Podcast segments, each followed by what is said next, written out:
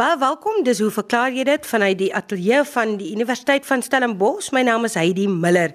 Ek stel julle graag voor aan my gaste, Yuri van den Heever, paleontoloog, Dave Peppler, ekoloog en Lefras Mouton, herpetoloog. Yuri, jy is die man wat eerste aan die woord is. Daar was 'n vraag van 'n luisteraar wat wil weet, hoekom is daar weerstandige kieme in hospitale? Jy gaan sommer vir ons wegtrek. Goeiemôre Heidi en almal anders. Uh die vraag is gevra deur uh, professor Isak Rust, afgetrede professor in geologie, iemand wat nogal van tevore deelgeneem het aan die program en dikwels as ek 'n bietjie vassit met 'n vraag oor die geologie, uh dan steek ek by hom kers op. Wat hy wil weet is basies drie goed. Wat is die verklaring vir die hedendaagse problematiese teenwoordigheid van weerstandige bakterieë in hospitale? Dito die ontwikkeling van weerstandige TB, tuberkulose en dan is dit 'n voorbeeld van natuurlike biologiese evolusie in versnelde werking. Nou Isak, dis 'n baie interessante vraag. Dankie daarvoor. Tuberkulose is 'n geweldige belangrike siekte en veral 'n probleem in die Wes-Kaap. En eh, tuberkulose gedei gewoonlik waar 'n mens uh omgewings het van armoede en swak voeding. Nou meestal word daar gesê dat as iemand onder behandeling is vir tuberkulose, dan kry hy 'n kursus medisyne wat geneem moet word vir 'n gegeewe tyd. En dan indien die persoon begin beter voel en dan ophou met die kursus voor dat dit voltooi is, dan het jy eintlik net die swakker forme van die organisme uitgeskakel en op die manier gesorg dat die meer weerstandige komponent van die uh, organismes agtergebly het. Nou wat tuberkulose betref, net 'n bietjie agtergrond, Robert Koch het in 1882 het hy die uh, organisme geïdentifiseer Mycobacterium tuberculosis en in 1943 het die Amerikaner Selman Waxman die teenmiddel ontdek Hy het bevind dat 'n ander organisme, Streptomyces griseus, streptomycin produseer en dit kan nou die uh, organismes uitskakel.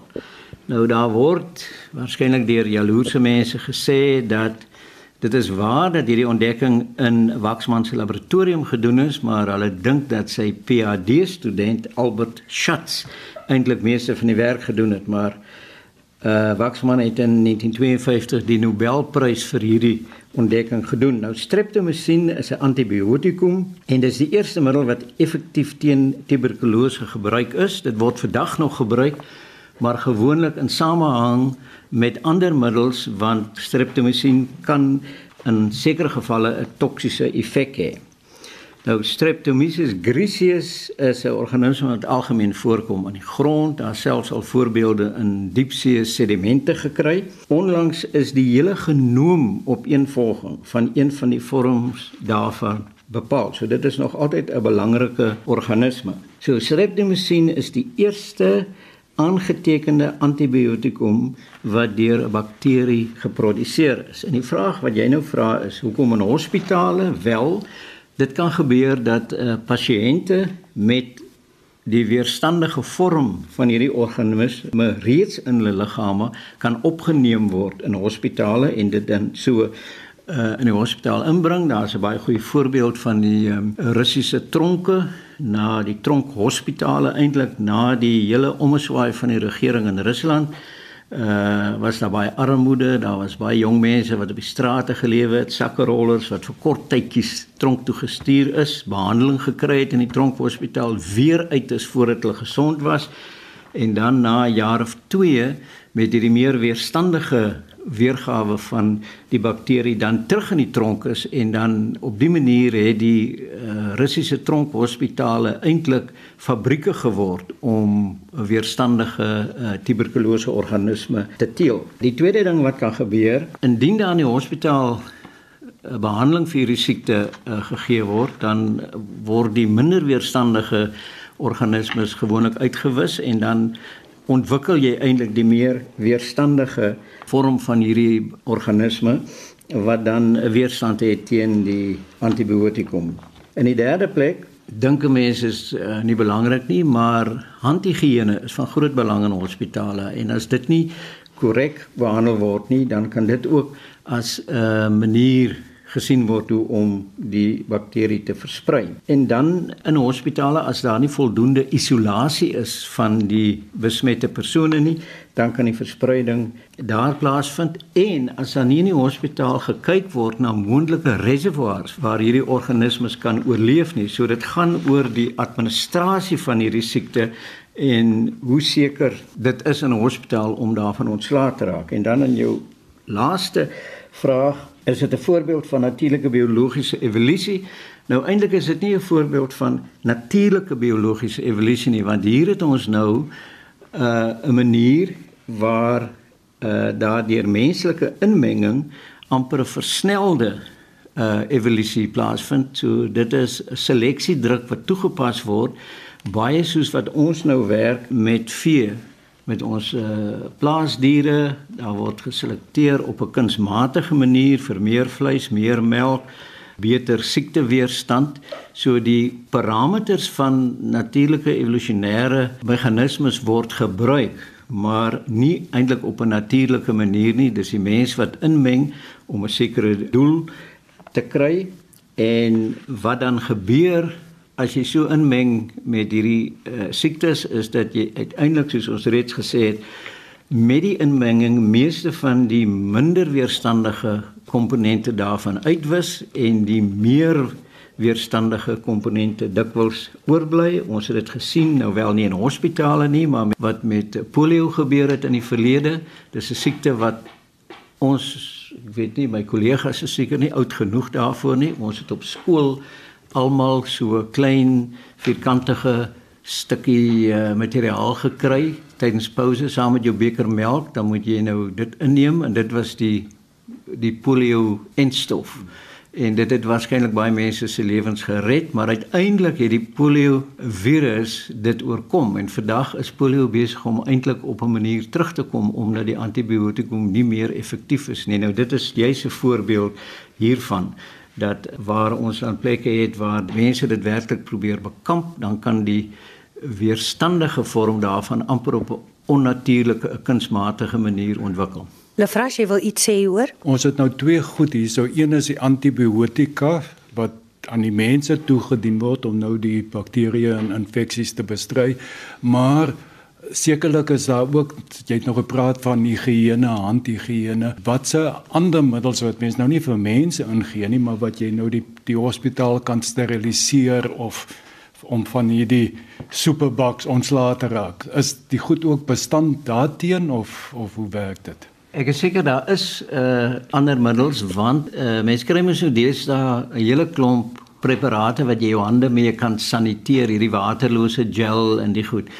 En ek het toevallig daar by die uh noodgeval eenheid gewees eendag. Toe vra ek vir die dokter en hy is baie skepties oor hierdie soort van goed. Hy sê hulle as medisy Altans waar hy in die hospitaal werk en by hierdie hierdie noodgevalle eenheid, hy sê daar is net een ding wat hulle gebruik en dit is 'n preparaat wat jy ten duurste kan koop, maar dit bevat iets so 60 tot 80% suiwer alkohol. So dis nie om te drink nie, hulle vra. maar ehm um, hy sê vir my jy kan maar een van hierdie in steede van om al hierdie middels wat nou bewaar word, jy kan maar net 'n doodgewone seep gebruik. Hy dink dit is net so effektief. Maar die enigste ontsmetmiddel wat hy aanbeveel is hierdie mediese oplossings wat 'n geweldige hoë 'n persentasie alkohol bevat. Maar ek dink in die meeste groot hospitale is die manier die administrasie die reël so dat die moontlikheid om geïnfekteer word baie laag is maar so gou as wat jy uh verpleegsters of dokters het wat hulle nie heeltemal aan daai voorskrifte steur nie dan dink ek maak jy die deur oop vir uh vir moontlike infeksies Ons sê baie dankie aan Yuri van den Heuver. Volgende aan die beurt is Dave Peppler. Dave, iemand het vir jou gevra, "Hoekom is daar soveel mooi dinge in die natuur?" Dag Heidi kollegas en luisteraars. 'n Brief van Dani Kreur van Dispatch lui so: 'n Paar programme gelede het iemand vir Duif Peppler gevra hoekom die graseltjie so mooi skepseltjie is. Duif se finale antwoord was: hy is so mooi omdat hy so mooi is. Ek het baie lank self oor die vraag geloop en wonder, hoekom is daar soveel mooi dinge in die natuur? 'n Mooi roos, 'n mooi sonsondergang, 'n mooi orgidee, 'n mooi graseltjie. Diere kan tog nie verstaan dat dit mooi is nie. Uh, 'n uh, Wildspok beskou 'n mooi blom net as kos om te eet. Net ons mense kan sien en waardeer dat daar soveel mooi dinge in die natuur is. Tog moet daar 'n boodskap wees. Hy het toe aan sy graad 7 klas gewys stunning time lapse of flowering plants en ons het tot die finale antwoord gekom dubbelpunt. Dit is so mooi omdat ons Skepper God vir ons wil wys hoe groot en magtig hy is. Vir my is daar geen groter bewys as die bestaan van 'n Skepper as ons in die natuurwonders kyk nie en hiermee betwyfel ek glad nie Duif se antwoord nie. Nou ja, ek gaan my nie begeef op 'n skepingsteorie nie, maar kom ons kyk net effe filosofies na nou, hoekom die natuur mooi is en ek dink dis eintlik die plek vir 'n gestruktureerde antwoord, eintlik 'n gestruktureerde essay, maar ek gaan uit die vuisheid 'n paar idees aanhaal. In in die filosofie is dit natuurlik gelykstaande aan die groot vraag wat is liefde? Wat is mooi? Wat is kuns? Wat is skoonheid? Een van die antwoordkerne vir my is die kunstenaar Lyn Smits toe ek van haar gevra het wat is kuns? Toe sy gesê dat een van haar leermeesters het eendag gesê art is art and everything else is everything else jy weet as jy kuns sien. Jy weet as jy in die teenwoordigheid van kuns is. En so weet ons heel moontlik ook as ons in die teenwoordigheid van skoonheid is. Skoonheid in die natuur neem natuurlik vele forme aan en dit word beskou as intrinsieke waarde van die natuur wat 'n 'n diens lewer aan ons as toeskouers. Dit is nogals 'n interessante intrinsieke waarde. Van die mees bevredigende antwoorde wat 'n mens kry oor die impak van kuns op die mens kom van E.M. Foster, die groot Engelse skrywer wat in 'n essay How to Not to Look at Art gesê het dat in die teenwoordigheid van groot kuns of skoonheid ontvang die kyker van die skepingsenergie en maak van die kyker 'n mindere kunstenaar.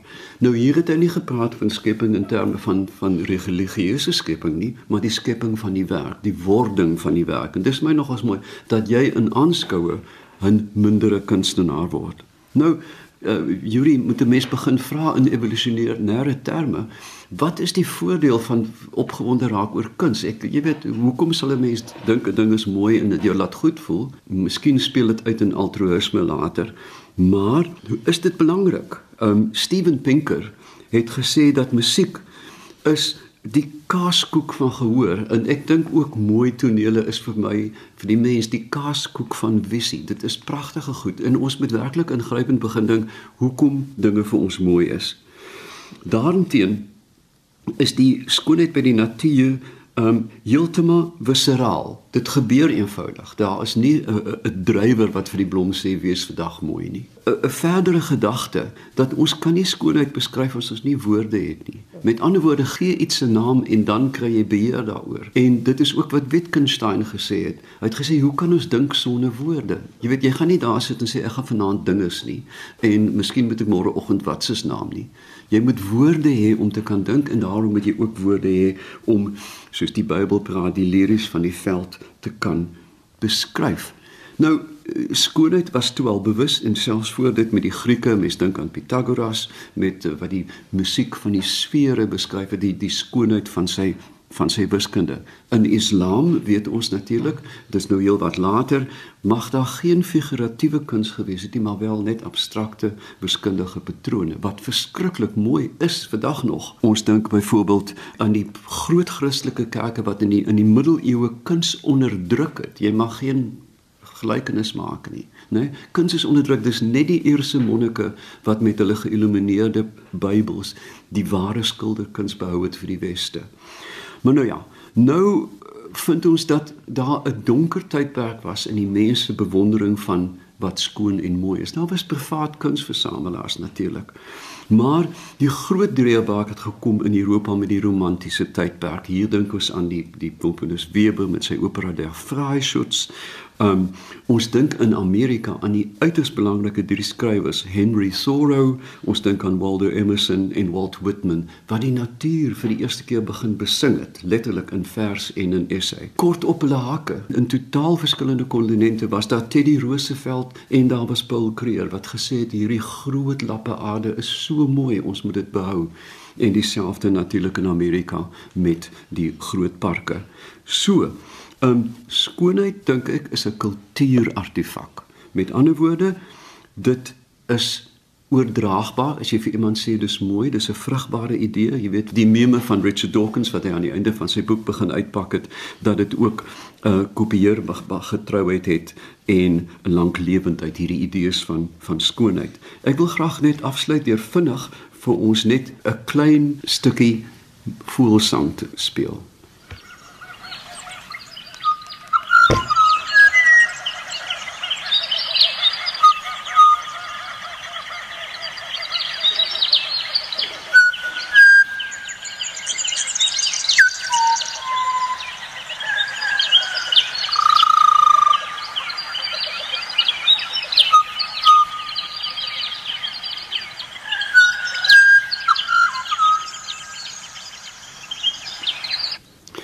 Presies soos Bach se Das Wohl tempereerde klavier is hierdie Butcherbird besig om te komponeer. Elke dag skryf hy 'n nuwe liedjie, elke dag sit hy 'n nuwe klein arabesk by en dan beskaafde mense kan dan die verband trek tussen musiek en natuur en geluid en visie. En daarom dink ek die natuur is mooi omdat ons selfrespek het. Omdat ons selfrespek het, beteken dat ons ander respekteer en omdat ons selfrespek het, het ons etiese waarde wat uitspoel in ons liefde vir die natuur. Dave, jy het gesê skoonheid is 'n artefak van die mens. So daarbey bedoel jy dan dat daar's eintlik niks wat geneties vasgelê is. As as mens nou 'n kind baie klein op 'n eiland gaan sit, gaan hy waarskynlik niks skoonheid ervaar of gevoelens van saligheid kry oor oor die omgewing so mooi is nie. Stem volkome saam. Uh daar is netlik 'n teenpool dat uh, mense is netlik vir gevaar geprogrammeer en jy weet hard gewire soos die Engelse sê aposomatiese kleure in die natuur. Kinders is bang vir swart en wit, jy weet, maar hulle is nie geprogrammeer vir skoonheid nie jy's doodreg. Dave het met uh, belangstelling geluister na wat jy gesê het, maar ek herinner my jare gelede het ek 'n artikel gelees waar hulle toetse eksperimente gedoen het met baie baie jonk kinders, letterlik omtrent nog babas. En as ons nou die Afrika as 'n wieg van die mensdom paradigma aanvaar, dan behoort van ons vroegte herinneringe behoort te wees uh omgewings wat baie soos 'n uh, savanna tipe omgewing lyk. En die navorsers het beweer dat voorkinders geïndoktrineer is om mooi sonsondergange of groen woude te waardeer soos ons vandag nou doen, was daar definitief 'n neiging by hulle om uh wanneer hulle prente getoon is van 'n savanna omgewing om dit te verkies. En wat uh, hulle toe gesê het as hulle dit gereken is amper soos 'n oergeheue Uh nou ek is nie baie sterk op hierdie oorgeheue scenario nie, maar hulle beweer dat uh, hulle kon opmerk by die babas dat hulle gereageer het, beter, meer gereageer het op uh fotos van 'n savanna omgewing as byvoorbeeld 'n tropiese woud. Ons sê baie dankie aan Dave Peppler. Lefras Mouton, jou vraag. Wag skilpaaie vir reën voordat hulle eiers lê? Baie interessant. Ek sou graag wil weet wat jy te sê daaroor. Mevrou Weppener het vir ons 'n e-pos gestuur en sy sê vroeg in Februarie het Antoinette Pinaar vir Amore Becker op die radio vertel van die wonderlike reën wat hulle in die Karoo gehad het. En die dag na die reën was daar baie aktiwiteit in die veld en sy het onder andere ook gesien 'n bergskilpad wat besig is om eiers te lê. Antoinette en Amore het toe nou gewonne op die skilpad gewag het vir die reën uh, voor sy eiers lê en hoe lank sy met die eiers dan nou sou geloop het terwyl sy nou wag vir die reën. Hulle wonder toe ook hoe lank sal 'n skilpad eiers binne haar kan hou as dit dan nou glad nie reën nie. Nou dit is 'n baie interessante onderwerp en mevrou Weppene hoop dat die verklaarders dalk 'n bietjie lig op die onderwerp sal kan werp. Nou ons weet baie ander werveldiere, Yuri sal nou weet die naam Anamniota, die uh paras, die amfibieërs, dat alles baie van van uh water afhanklik verbroei, want die eiers word in water gelê of in baie klampplekke. Maar vroeg in die ontwikkeling of evolusie van ons landwerveldiere het daar 'n groep die amniota afgetak en hulle het dan nou juis meganismes ontwikkel soos 'n eierdop en ander membrane om die eiers om die eiers hoe kan mens sê onafhanklik van water te maak. Water is nie nodig vir die ontwikkeling nie. Nou ons weet eh, skilpaaie is dan nog maar een van hierdie groep. Hulle het nie water nodig eh, vir die ontwikkeling van eiers nie. Hulle het harde dop eiers. Okay, soms van die die reptiele as die die grond te droog is, kan die eiers oor tyd 'n uh, eh, bietjie uitdroog, maar normaalweg speel water nie 'n groot rol nie.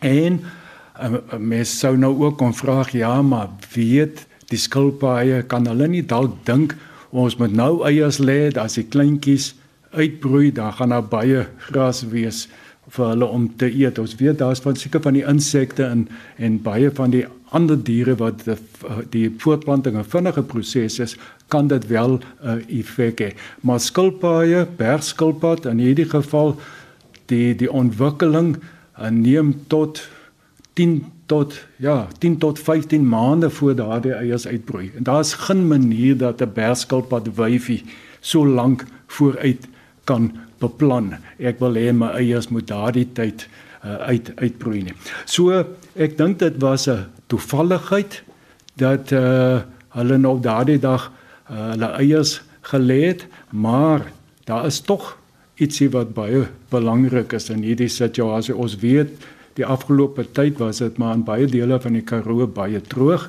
Nou skilpaaie, hulle grawe mos nog gat in die grond om hulle eiers te lê. En as die grond baie hard is, dan kan hulle probleme hê. So wat hulle gewoonlik doen, die wyfie sal urineer, sommer groot volume urine op daardie plek wat sy gaan die eiers begrawe en dan natuurlik is dit dan nou makliker om die gat te grawe. Nou kan ek dink dalk omdat dit so droogte tyd is, is die skilpad se blaas leeg en sy het nou sy kan dalk bietjie ryk daar's reën aan die kom of aanvoel want daar's nou wat drukverskille. En uh so vir 'n paar dae kan sy seker bietjie rond speel maar 'n week of 2 weke uh ek weet nie of dit gaan werk nie want die skilpad grond is nie oral ewe hard nie. Sy kan maar net 'n plekkie gaan soek waar dit bietjie sagter is waar sy dan kan grawe. Uh so ja, ek is nie ek dink nie dit is 'n probleem nie, maar kom ons veronderstel dit is nou 'n probleem dat sy die skilpad het gewag vir die reën om die grond sagter te maak. Uh nou hoe lank kan sy moet daai eiers loop voor voor dit nou reën? Ons moet onthou skilpad het 'n dit is hoe se mense soliede lyf die dop, daar is nie baie plek vir vir uh ekstra goed en bergskilpaaie hulle bring iets soos 3 tot 6 broeisels per seisoen voort. So terwyl die eiers daar in die maag is van die skilpad, begin die volgende broeisel al te ontwikkel. En hoe langer daardie eerste broeisel daar is, dan gaan dit nie werk nie. Daar gaan nie plek wees vir die volgende broeisel om te te ontwikkel nie. So ek kan nie my nie indink dat hulle baie lank met die eiers sal kan rondloop. Hoogstens 'n week sou ek dink Yuri want elke maand uh op 'n maandelikse basis vir daardie somermaande vat dit voor die volgende broeisel uh eiers uitkom. So ek ek dink dit was maar 'n toevalligheid dalk 'n bietjie laat laat dit spaar nou die urine dat laat want dit die die blaas is eintlik maar 'n stoor van water vir skilpaaie. Daar's tog nog 'n belangrike puntjie en dit is wanneer die kleintjies dan nou uiteindelik gaan uitbroei oor 10 maande, 15 maande afhangende van die toestande, dan kan die grond soms te hard wees vir daardie kleintjies om nou op te grawe. Die gat is gewoonlik so 25 cm diep en dan sou reën waarskynlik 'n groot rol speel. Die kleintjies sal daar vasgevang wees daaronder en as dit die dag nou goed reën en die grond lekker sag word, dan sal hulle kan uitgrawe.